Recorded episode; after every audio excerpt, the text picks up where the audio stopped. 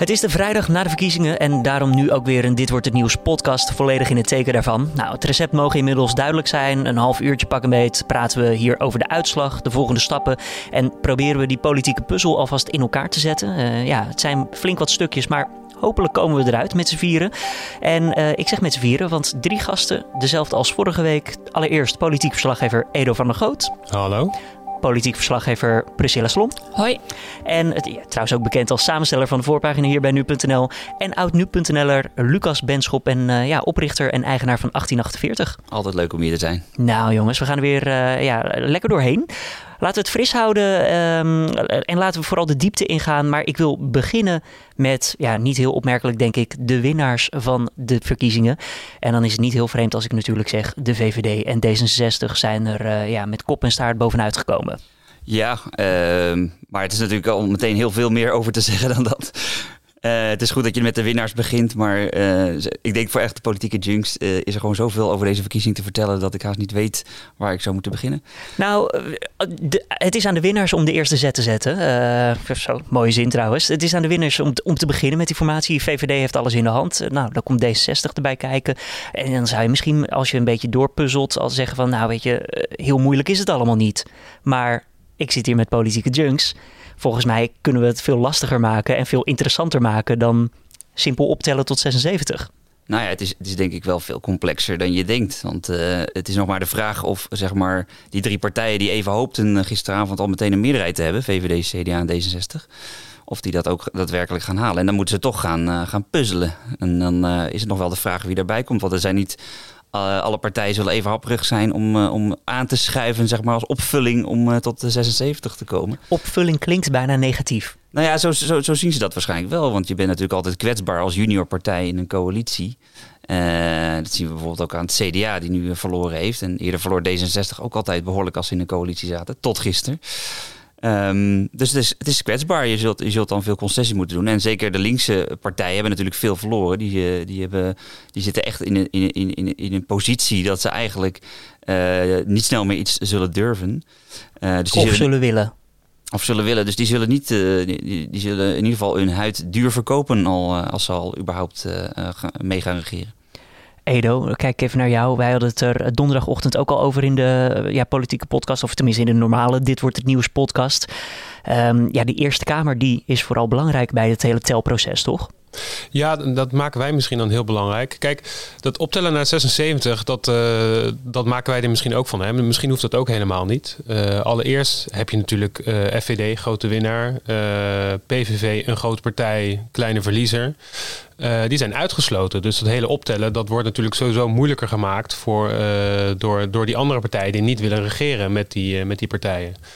Ja, daarnaast moet je eigenlijk wel meerderheids kabinet of meerderheidscoalitie, uh, is dat nou echt noodzakelijk? Ik heb toevallig twee, nou niet toevallig, want ik heb ze heel bewust opgebeld natuurlijk, politicologen uh, gesproken. Um, en een ervan zegt ook van ja, je, je kunt ook gewoon een minderheidskabinet hebben en zoeken naar meerdere uh, meerderheden. En dan kun je ook op verschillende dossiers, het is al een heel oud idee natuurlijk, het is niet nieuw. bijvoorbeeld op klimaat kun je naar GroenLinks. Als je iets aan het belastingstelsel wil doen, kun je weer naar andere partijen. Ja, en de facto hebben we eigenlijk al afgelopen twee jaar een minderheidscoalitie coalitie gehad. Want in de Eerste Kamer, zoals je al zei, is er geen meerderheid. Oftewel, uh, waar doen we moeilijk over?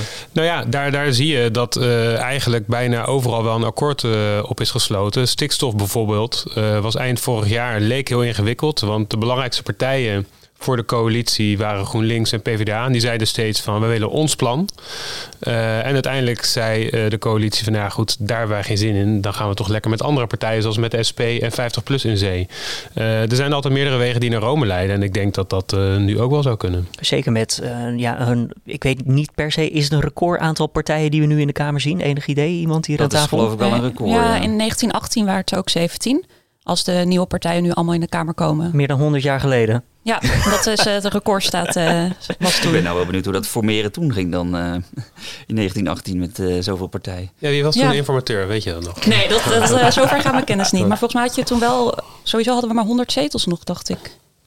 Oh ja, ja dus, de Kamer was natuurlijk kleiner. Ja. Dat was sowieso anders, heel ander verhaal. Kijk. Maar ik vraag me wel af of um, GroenLinks, die wou natuurlijk eigenlijk wel heel graag. Die zijn nu toch wel een grote verliezer. Hoe, zouden zij nu staan te springen om toch nog wel te praten? Of denk je dat ze nu toch liever niet gaan? Nou, ze zijn wel grote verliezen inderdaad. En ja, het klopt helemaal wat je zegt. De afgelopen vier jaar hebben zij alleen maar zitten voorsorteren... of vooral zitten voorsorteren om mee te doen. Uh, nu zijn ze bijna gehalveerd. Dus het moet wel crisis zijn in die partij. Aan de andere kant, als, uh, de coalitie, als er echt een meerderheidscoalitie gemaakt moet worden... dus als VVD, CDA en uh, D66, als zij echt een meerderheid willen... ja, dan zijn ze eigenlijk gewoon gedwongen naar links te kijken. Want daarachter zijn de partijen te klein... en op rechts zijn de partijen die ze zelf niet willen. en als ze dan GroenLinks willen, dan moeten ze ook PvdA erbij ja, nemen. Want elkaar. die hebben een soort van package deal gesloten... van je neemt ons allebei of niet. en ik denk dat uiteindelijk als GroenLinks zal eerst zeggen van nou, het is nu niet aan ons. Dat hoort er een beetje bij. Ze, ze hebben de verkiezingen verloren. Maar uh, ja, als zij genoeg gepaaid worden en ze denken we kunnen wel iets binnenhalen op klimaat bijvoorbeeld, dan, uh, dan denk ik wel dat hij over te halen is, Jesse Klaver. Maar is Rutte daarvoor ook over te halen op VVD? Want dan schuif je, denk ik, als VVD dermate veel naar links, toch? Ja, ik, ik, kijk, bij, bij CDA en, en, VVD hebben ze, zijn wel bijzondere krachten, zeg maar, die een behoorlijke hekel nog steeds hebben aan, aan GroenLinks. Uh, die afkeer is gewoon best wel groot. Dus ik denk dat VVD en CDA niet zo snel uh, staan te springen om met GroenLinks te gaan regeren. misschien nog wel eerder met SP. Maar ja, weet je, gewoon die drie linkse partijen staan er gewoon zo slecht voor dat, dat, dat, dat zij echt niet snel aan een coalitie zullen meedoen, verwacht ik. En, of al als er echt niks anders meer mogelijk is en, en je echt, echt ook eisen kan gaan stellen, zeg maar. En anders wordt het gewoon, wordt het gewoon heel lastig. Maar er zijn denk ik wel wat mogelijkheden hoor. Ik bedoel, het zou ook wel verfrissend zijn als we bijvoorbeeld een keer met zo'n Volt zouden gaan praten, weet je wel. Want als je dan die drie partijen hebt, CDA, D66, VVD, zou je die waarschijnlijk zoals het er nu naar uitziet aan een meerderheid kunnen helpen via Volt. en dat is natuurlijk ook wel een van de, een van de partijen die het, deze verkiezing heel erg goed heeft gedaan. Wil je dat, een nieuwe partij bij in, in een regering? Is dat niet een gokje? Is dat... Dat is altijd een gokje. Maar goed, kijk, de, het, het, palet is gewoon ingewikkeld nu. Hè? En, en je moet ook. Het is ook wel een beetje gebruikelijk dat je, dat je de, de partijen die het heel erg goed hebben gedaan. Dat je die ook wel een beetje bij betrekt van hoe kunnen we die nou uh, een serieuze rol gaan geven in de, in de volgende regeerperiode. En uh, als er een ingewikkelde puzzel ligt qua formatie, ja, dan lijkt het me heel logisch dat ook met dat soort partijen gesproken gaat worden. Ja. Lucas, wil ik even van jou weten. Politieke junk, we hebben het hier over puzzels. Tijdens de verkiezingsavond, nacht, zit jij dan met een ja, notitieblokje voor de televisie dat je zelf al aan het tellen bent en aan het uitrekenen van oh, dit zou kunnen, dat zou kunnen, dit, dit is interessant. Ja, uiteraard. Uh, ik bedoel, als, als politieke junk, uh, en dat zullen jullie herkennen, Priscilla en Edo, uh, zijn dit gewoon de perfecte dagen überhaupt. Hè? Dus een beetje wat, wat een voetbalcommentator heeft met het WK voetbal, dat hebben wij politieke junks met, met de verkiezingen die er eens in de vier jaar zijn. Ja, maar jij, jij zit niet voor de tv. Ik zit voor de tv. Nee, jij zit in bad met een iPadje erbij. Of, in bad. ja. Nou ja, kijk, ik, ik, ik, bedacht, ik, bedacht, nog dat ik uh, dat de laatste keer dat ik een, echt een vrije avond had, uh, zeg maar dat ik niet voor nu.nl hoefde te werken tijdens een verkiezingsavond, was 2003. 2003. Want vanaf 2006 deed ik het al voor nu.nl. Um, en gisteren dus voor het eerst niet. Dus ik kon, in principe kon ik inderdaad in bad. Maar ik zat toevallig op de bank. En dan zit ik inderdaad wel alles te volgen van... Uh, ja, je wil om negen uur... Je zit dan echt die klok al af te tellen naar negen uur... van wat, wat, wat gaat het worden. En ja, dat is dan een beetje zeg maar de finale na een mooi toernooi, zeg maar.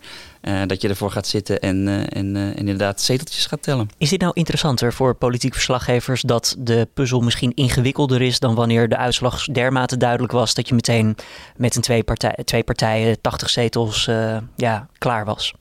Ja, het is, het is, het is nou ja, kijk, zeg maar met de fragmentatie, dus de, de versplintering van de Kamer, is het eigenlijk altijd wel complex de laatste tijd dus je, uh, bijvoorbeeld in 2012 had je dan wel de PvdA en de VVD allebei groot. Maar ja, dat zijn natuurlijk ook geen natuurlijke kandidaten. En uh, toen werd gezegd van ja, we worden een beetje aan elkaar opgedrongen. Maar goed, dat hoeft natuurlijk niet. Je kan ook gewoon andere, andere meerderheden proberen te zoeken. Maar door het uitsluiten van twee andere partijen wordt het ook steeds lastiger. Het wordt steeds Ja. lastiger, maar dat komt ook bijvoorbeeld door die versplintering. En dat vind ik ook wel interessant om het even over te hebben. Want ik had eigenlijk niet verwacht dat er zoveel kleintjes ook het zouden gaan redden. Misschien dat het ook komt omdat de, omdat de VVD zoveel groter was... dat je dat strategische stemeffect ook minder sterk had nu, denk ik. Ja, welke dat, dat, wel, dat zien ze wel als een van, de, een van die politicologen die zegt dat inderdaad ook. Dat, dat mensen eerder met hun hart stemmen dan eh, strategisch. Omdat inderdaad in de campagne geen tweestrijd was. Aan het eind, eh, als je naar de uitslag kijkt, zou je dat misschien wel kunnen denken. Maar in de campagne was het inderdaad niet zo. Maar Priscilla, jij hebt toch die eh, mensen van eh, die kleine partijen, kleinere partijen, heb jij gesproken volgens mij, hè? Ja, voorafgaand aan de verkiezingen. En heeft bijvoorbeeld eh Volt, hebben zij nog iets gezegd over meeregeren? Daar ben ik eigenlijk wel benieuwd naar. Ehm, nou, daar heb ik ze op het eind van het gesprek wel naar gevraagd. Ehm, maar dat was toch wel heel erg vooruitlopend op de zaken, vonden ze zelf ook wel. Eh, een stukje bescheidenheid. Wat Als ze dan redenering. aangaven. Ja, ja. Ehm, maar ja, ze hebben het er natuurlijk wel over gehad. Ook van, goh, als ze dat zouden doen, hoe moet dat dan? Ehm, omdat ze een pan-Europese partij zijn. Ze hebben natuurlijk wel een eh, Nederlands programma. Ehm, ehm, maar ja, je moet toch rekening houden met de Europese lijnen. Dus, dus daar hebben is ze nog eigenlijk eigenlijk- helemaal niet echt over nagedacht. Eigenlijk is dat wel raar, toch? Want als je, eh, eigenlijk heb je dat op een ander niveau. Heb je dat natuurlijk in Nederland ook met, met de landelijke PvdA en de lokale PvdA. Of welke andere partij dan ook. En dan gaat zo'n lokale partij ook niet aan de landelijke PvdA vragen van... kunnen wij dit, Ja. dit akkoord in de gemeente afspreken? Heel Nee. on-Nederlands eigenlijk dan, hè? Zo van, we moeten het even aan de Europese baas vragen of we hier in Nederland wel Maar mogen Volt is toch de regeren. eerste die nu eh, in Europa in de, tenminste in de Nee, regering, in de Kamer zit? Nee, nee, nee. In, volgens mij in drie andere landen ook. Oh, zitten ze al? Oké. Ehm, maar, eh, of in twee of drie andere landen. Maar, of nee, eh excuus, nee, niet in de regering, maar wel eh, dat ze wel een In- zetel in de hebben. Kamer, ja, precies. Nee, ja, ik, ze, zeiden, ze zeiden wel van we moeten dan overleggen. Maar ja, ze hebben wel natuurlijk gewoon een Nederlands programma. Dus in hoeverre ze echt toestemming moeten hebben, weet ik niet. Maar ja. Maar ik vind dus die versplintering wel een belangrijk onderdeel van deze verkiezingsuitslag ook. En dat is natuurlijk wel een vertaling ook van een, een langer zichtbare trend. Hè? Dus dat, eh, dat eh, je vroeger had je de verzuiling dat iedereen in een duidelijk hokje zat. Maar dat is, dat is geleidelijk aan natuurlijk steeds minder aan het worden. En, en, en mensen kiezen nu niet meer op, ba- op basis van de stroming waar ze nu eenmaal bij horen. Maar veel meer op, op deelbelangen en, en, en, en, en, en, en deeldoelgroepen zeg maar, waar je bij zou kunnen horen. Dat er nu ook zo'n boerenbelangenpartij in de, in de Kamer zit. En dat dat bijeen ook een zetel kan halen. Ja, die tra- traditionele partijen, zo'n boeren-burgerbeweging inderdaad. Normaal zou je zeggen, daar is het CDA voor.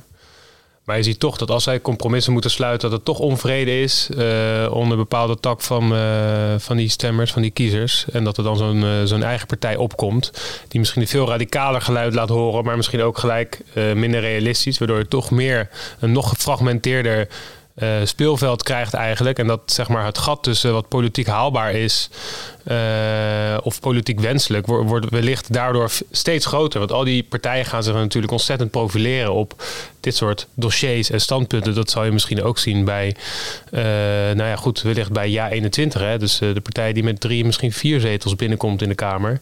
Ja, die willen echt het redelijke, of het- ja, het alternatief eh, rechts van de VVD en het CDA worden. Eigenlijk waar FVD mee bezig was, dat wil Ja 21 wil die plek innemen. En er zit een best wel een groot gat natuurlijk. Dat hebben we gezien in de, in de peilingen twee jaar geleden. Toen, eh toen Thierry Baudet met FVD de, de Provinciale Statenverkiezingen won. Maar als zo'n Ja 21 dan ja, mee aan tafel komt bij de formatieonderhandelingen. Ze hebben dus eigenlijk wat jij zegt vrij weinig te zeggen. Want al hun plannen zullen eh, teruggeschaald moeten worden om ook toege- toe te geven aan D66 dan, en VVD en wie weet wie er nog meer aan tafel zit. Ja, Nou- dus, dus dat is het traditionele eh, formeren natuurlijk. En dat je dan inderdaad concessies moet doen. Polderen, polderen, polderen. Ja, daar Ja, sta je misschien niet eh, eh, bij stil. Nee, ja, ik sprak Eerdmans ook, eh, de lijsttrekker van Ja 21, voorafgaand aan de verkiezingen. En daar heb ik het wel eh, over regeren gehad, omdat ze natuurlijk in de Eerste Kamer zo acht zetels hebben. Ehm, dus ze zeiden ook wel dat ze dat echt wel als reële optie zien. Maar eh, niet tegen elke prijs en sowieso niet in een kabinet met veel linkse partijen.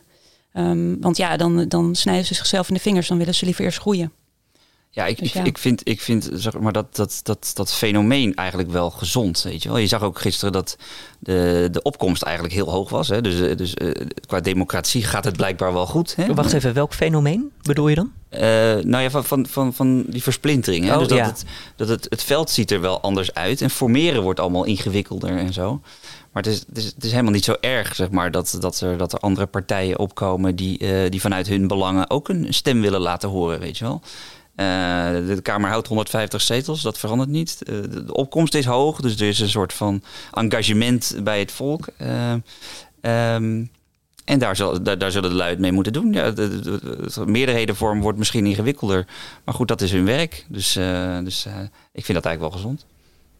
Ik vond eigenlijk uh, die, die, die, vergelijking met 2012 wel interessant toen die net even voorbij kwam. Omdat je ziet nu ook wel dat kiezers van, uh, dat op basis van onderzoek kun je dat al zeggen, dat kiezers van GroenLinks met name, maar in mindere mate van PvdA, die zijn naar D66 gegaan. Omdat zij toch dachten van ja, als wij dan toch invloed willen hebben op het kabinet, dan liever op D66 uh, dan die twee andere linkse partijen. Uh, daar balen zij natuurlijk heel erg van. Je zag ook al Renske Leijten van de SP twitteren van... nou ja, als je denkt dat D66 links is, kom je bedrogen uit.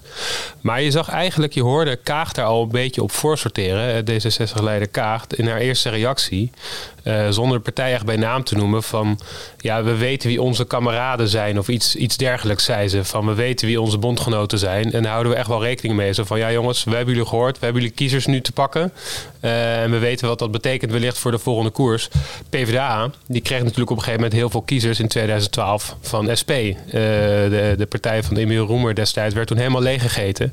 Maar de PvdA is er eigenlijk best wel mee aan de haal gegaan. Die heeft, uh, nou goed, in die jaren daarna allemaal deals gesloten met de VVD, waar de, waar de linkse kiezers uh, helemaal niet blij mee waren. En die partij implodeerde dat is natuurlijk wel een grote en belangrijke les voor D66 om die fout niet te maken. Zij zullen hun eigen gezicht moeten blijven laten zien en op sommige dossiers gewoon heel hard moeten kunnen zeggen tegen de VVD, tegen het CDA, van ja jongens, dit gaan we gewoon niet zo doen, want wij hebben stemmers van GroenLinks, dus op klimaat kunnen wij echt geen concessies doen. Is deze, is, is deze partij, is D66 daarop voorbereid? Voldoende, denk je ook? Ik denk dat zij wel weten wat er speelt. Dit, uh, ja, dit zijn ja, denk ik, vrij eenvoudige analyses die zij ook heus wel hebben gemaakt. Ze denken er ook wel over na. Ze weten ook wel hoe het uh, politiek werkt.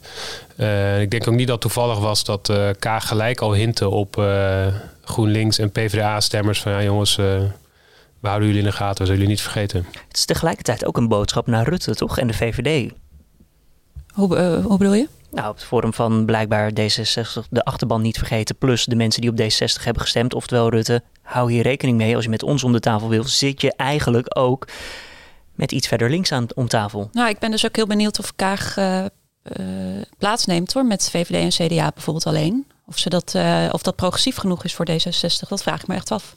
Ja, dat, dat wordt nog de vraag. Ik bedoel, ook D66 heeft natuurlijk afgelopen kabinetsperiode nog best wel wat moeite gehad. Zeg maar, om de, om de, om de koers hun kant op te krijgen. Hè. Op, op klimaat waren ze kritisch. Hè? Dus uh, zij gingen het gevecht aan met de boeren en vonden daar toch wel de andere coalitiepartners tegen zich. Um, en zo zijn er nog wel meer andere onderwerpen, zeg maar, waarbij Moria bijvoorbeeld, hè, dat was ook een pijnlijke voor, voor Kaag natuurlijk op, op asiel. Um, daar zijn de partijen gewoon echt verschillend. En, en D66 heeft wel een verleden uh, dat ze heel erg veel uh, last hadden van juist die regeringsverantwoordelijkheid. Nu dus uh, nadrukkelijk niet, hè, want nu heeft, heeft Kaag met, met een goede campagne gewoon wel een goed resultaat gehad. Maar dat zullen ze nooit echt vergeten. Ze zullen wel, ze zullen wel daar heel, heel, heel goed naar blijven kijken, ook komende jaren sowieso. Het kan wel een voordeel zijn, toch, juist voor D66, om te zeggen van nou weet je, laten we het proberen met drie partijen. Hebben we misschien niet een merendeel, een meerderheid in de Eerste Kamer, maar dan houden we in ieder geval meer zeggenschap dan wanneer we gaan zoeken naar een coalitie van vier of vijf partijen. Ja, ik denk echt dat het meer, minder verstikkend kan zijn. Uh, het, schijnt ook wel, het is natuurlijk onderzocht en het politiek schijnt helemaal niet instabieler te worden als je een minderheidscoalitie hebt. Uh, als je nou bijvoorbeeld per se een meerderheid wilt en je, je, kijkt naar, die, uh, naar, naar PvdA en GroenLinks bijvoorbeeld. Uh, ja, hoe democratisch is dat? Kun je in eerste instantie afvragen. Het zijn twee partijen die gigantisch hebben verloren. PvdA is dan gelijk gebleven, maar ze hebben een monsterverlies niet goed gemaakt. Uh, GroenLinks is gehalveerd. En dan moet je dus alles op die partijen uh, gaan afstemmen. terwijl zij misschien heel anders denken over inderdaad immigratie. Terwijl het volk natuurlijk toch wel ook een rechtsgeluid heeft laten horen. Dat kun je, dat kun je echt wel zeggen. Um, ik denk dat het wel interessant zou zijn als, uh, als we die kant op gaan en als we proberen om uh, ja, per onderwerp. Uh, maar bedoel je dan een minderheid in de Tweede Kamer ook? Of? Nou ja, 75 zetels, 76 zetels, daar, daar balanceren ze nu een beetje op.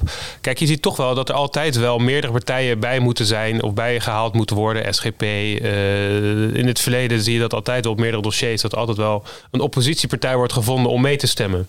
en wat, wat ik net ook zei, de facto is er natuurlijk een minderheid minderheidscoalitie als je in de Eerste Kamer geen meerderheid Ja, maar je hebt. merkt wel dat ze in de, in de Tweede Kamer wel altijd veel- heel erg veel proberen te controleren ook. Hè? Ik bedoel, in, in, in, in regelingen van werkzaamheden en zo, al een pro- procedurele dingen. Ook als het gaat om de positie van bewindspersonen bijvoorbeeld. Is er wel een enorme controledrift, merk ik. Hè? En dat staat dus nog los Ja, maar van dat willen beleid. ze hè? juist graag loslaten. Want Ik heb ook wel begrepen dat eh naar D66 sowieso, volgens mij ook GroenLinks, die, die, die hebben helemaal geen zin in een eh dichtgetimmerd eh regeerakkoord. Die Maar de zeggen, vraag ja, is weet of je, Rutte dan- dat ook wil. Hè? Want Nou ja, en sinds ik- ik Rutte heb je al die coalitieoverleggen hè, op maandagmiddag. Dat, waarbij alle probleempjes besproken worden. En zorgen dat alle kikkers in de krui- kruiwagen blijven en zo. Ja, Rutte houdt daar wel van. Maar ik vraag me wel af. ehm, stel dat je wil vertrouwen op, op samenwerking en zoeken in de Kamer. Eh, en D66 dat dan hoopt te, te vinden op links. eh, ja, als je zelfs de maar iets linksere partijen erbij optelt, zoals ChristenUnie en Denk, kom je nog niet eens op 75 zetels uit. Volgens mij iets van 65 in totaal. Met welke combinatie dan? Eh, als je de iets meer linkse partijen gewoon in de Tweede Kamer nu optelt. Dus nou ja, GroenLinks, SP, Partij van de Arbeid, nou, D66 dan dus daarbij.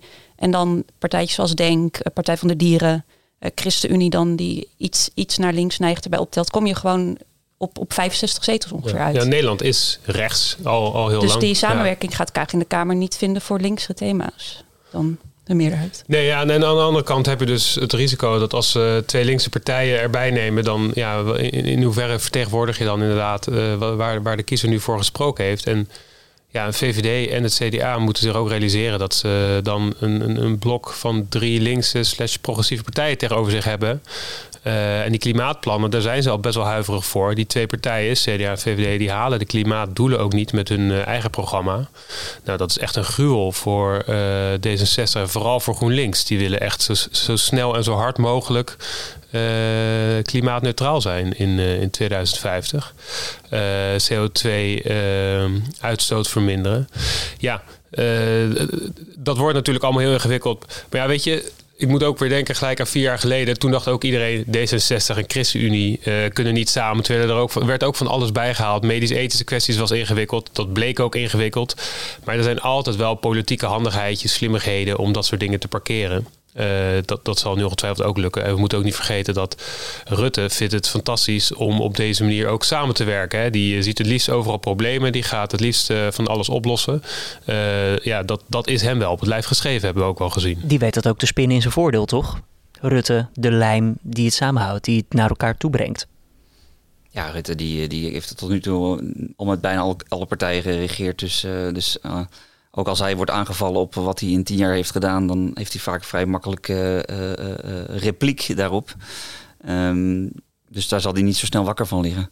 Maar mag ik nog één punt aandragen wat ik ook interessant vond uit, uit de uitslag gisteren? Het viel mij op dat, eh, ehm, eh, dat zag ik vanmorgen bij de NOS in, in een onderzoekje. Daar werd zeg maar gekeken naar van hoe oud zijn eigenlijk de, de, de, de kiezers voor verschillende partijen. En da- daar viel op dus dat, dat de- zeg maar CDA, SP en PvdA daar helemaal niet in zijn geslaagd om jongeren eh, eh, naar zich toe te trekken. Ze zijn vooral wat Die stonden ouderen. onderaan het lijstje, toch? Stonden Qua- onder de 50 Ja. plus. Ja, Dat vond ik toch wel op- op- opvallend. En, en dat geeft ook meteen het, het grotere probleem ook aan, denk ik, voor die partijen als CDA, SP en PvdA. Min, minder dan GroenLinks, want die stond wel vrij. Die slaagde wat beter in om jongeren te trekken. Ehm, maar als je dus al, al zo, zo eh, met name PvdA en CDA zijn traditionele machtpartijen. Die zijn echt nog eh, overblijfselen van die verzeilde samenleving van, eh, van, van een half eeuw geleden. Overblijfselen klinkt ook al meteen zo. Ja. Nou ja, het is wel, het is wel een, natuurlijk een vraagstuk voor die partijen. Van hoe gaan wij nou vernieuwen? En hoe gaan wij ervoor zorgen dat wij ook een soort van eh, toekomst hebben? Dat wij ook eh, een meerwaarde hebben voor de mensen in de toekomst. En dan moet je toch ook de, de jongeren kunnen blijven aanspreken. En dat is wel een vraag voor SP, CDA en PvdA. Van waar is dat misgegaan? En hoe zorgen we ervoor dat we wel weer aantrekkelijk worden voor de volgende generaties? Heb jij het antwoord op dat vraagstuk? Nou, dat is, dat is iets wat ze zichzelf moeten gaan afvragen. Ik denk dat eh Jesse Klaver, dat zag je de vorige campagne, er wel erin slaagde om, om, om veel eh, jongere kiezers te trekken. En ik heb zelf me ook wel eens afgevraagd van wat, wat gaat daar nou mis bij de, bij de Partij van de Arbeid bijvoorbeeld. En het viel mij wel op dat de laatste jaren uh, de PvdA wel weer erg naar links is opgeschoven. Een beetje aan de kant van de vakbonden is gaan zitten. Terwijl daarvoor uh, iemand als Wouter Bos een veel progressievere en vooruitstrevendere agenda had. Maar ik denk dat het daar ook zit. Hè? Dat, uh, dat vakbondsgeluid, dat oude waar de PvdA voor stond, dat, dat is in Nederland niet echt meer een, een ding. De jongere kiezers zijn toch of radicaler of progressiever, denk ik. alle, bij nou, de kant Heb, heb, ik dus ja. ook inderdaad. Dat, dat, dat Wouter Bos die slaagde er in mijn beleving wel in om, om, om veel, veel jongeren ook te trekken, omdat, omdat, omdat hij een, een soort van een, een vooruitstrevende, uh, vooruit, vooruitstrevend verhaal had. En, en, al die dingen eigenlijk uit de tijd van Wouter Bos. Daar hebben ze allemaal weer afscheid van genomen. Hè. De recent nog het leenstelsel. Dat is echt een idee van de, van de Partij van de Arbeid. Ja, en daar zijn alle partijen nu weer bij weggerend, omdat dat niet sociaal zou zijn.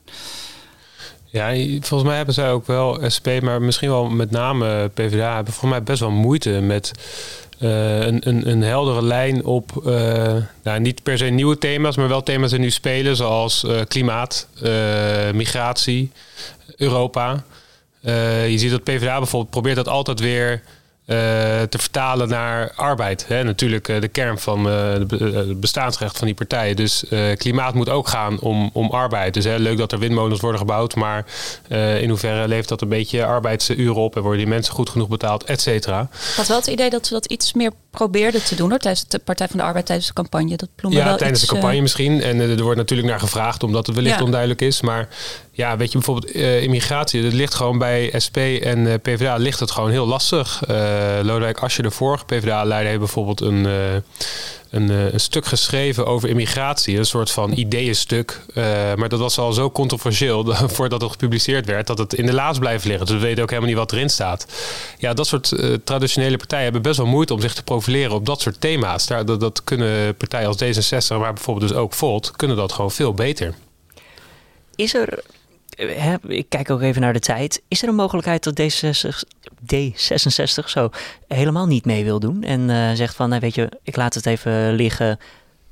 Kijk maar volgens Mij is dat, volgens mij is dat voor alle partijen nog wel een optie. Ook voor het CDA. Want het CDA heeft natuurlijk enorm verloren. Dus het zou best kunnen dat, dat uh, Hoekstra Comsuis denkt van... Uh, ik ga wel even in, in, de oppositie zitten. En dan ga ik me vanaf daar profileren. En dat, dat geldt in principe voor D66 net zo goed. Als zij denken van nou met deze coalitie of met deze afspraak hebben wij niks te winnen. Dan gaan we niet, uh, gaan we niet meeregeren. Dan, dan zoekt Rutte maar een andere meerderheid. Maar dat wordt wel heel moeilijk dan. Maar Rutte, Rutte is niet bang voor een moeilijke opgave.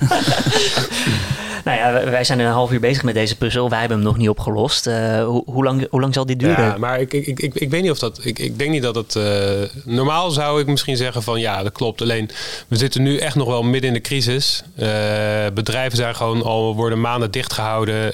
mensen kunnen niet naar buiten na negen uur s avonds.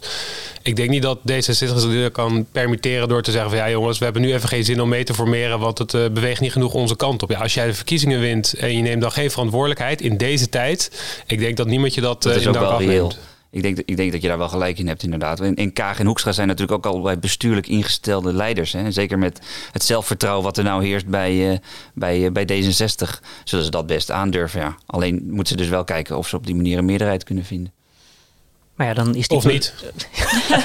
maar dan zijn we er snel uit, toch? Uh, hoe lang denken jullie dat dit formatieproces in beslag zal nemen? Als, ik, denk, ik, denk, inderdaad dat vanwege de, de, de, de, druk die erop zit, dat het best wel snel kan gaan. Dat ze niet zoals vier jaar geleden gewoon eindeloos de tijd ervoor nemen. Je merkt het al, Rutte, die het in twee fases wil gaan proberen. D66, GroenLinks, die al zeiden van we willen het alleen op hoofdlijnen. Dus alle partijen neigen wel naar minder, minder details en sneller. Of in fases.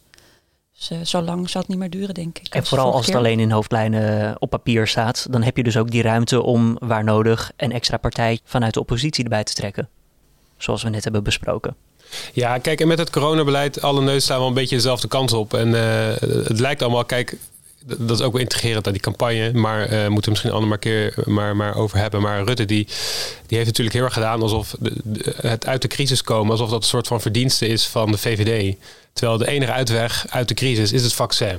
En dat, dat heeft de politiek helemaal niet uh, onder controle. Dat had niks uitgemaakt wie er in Den Haag aan de touwtjes zou trekken. Kijk, dat vaccin hebben we nodig om uit die uh, pandemie te komen.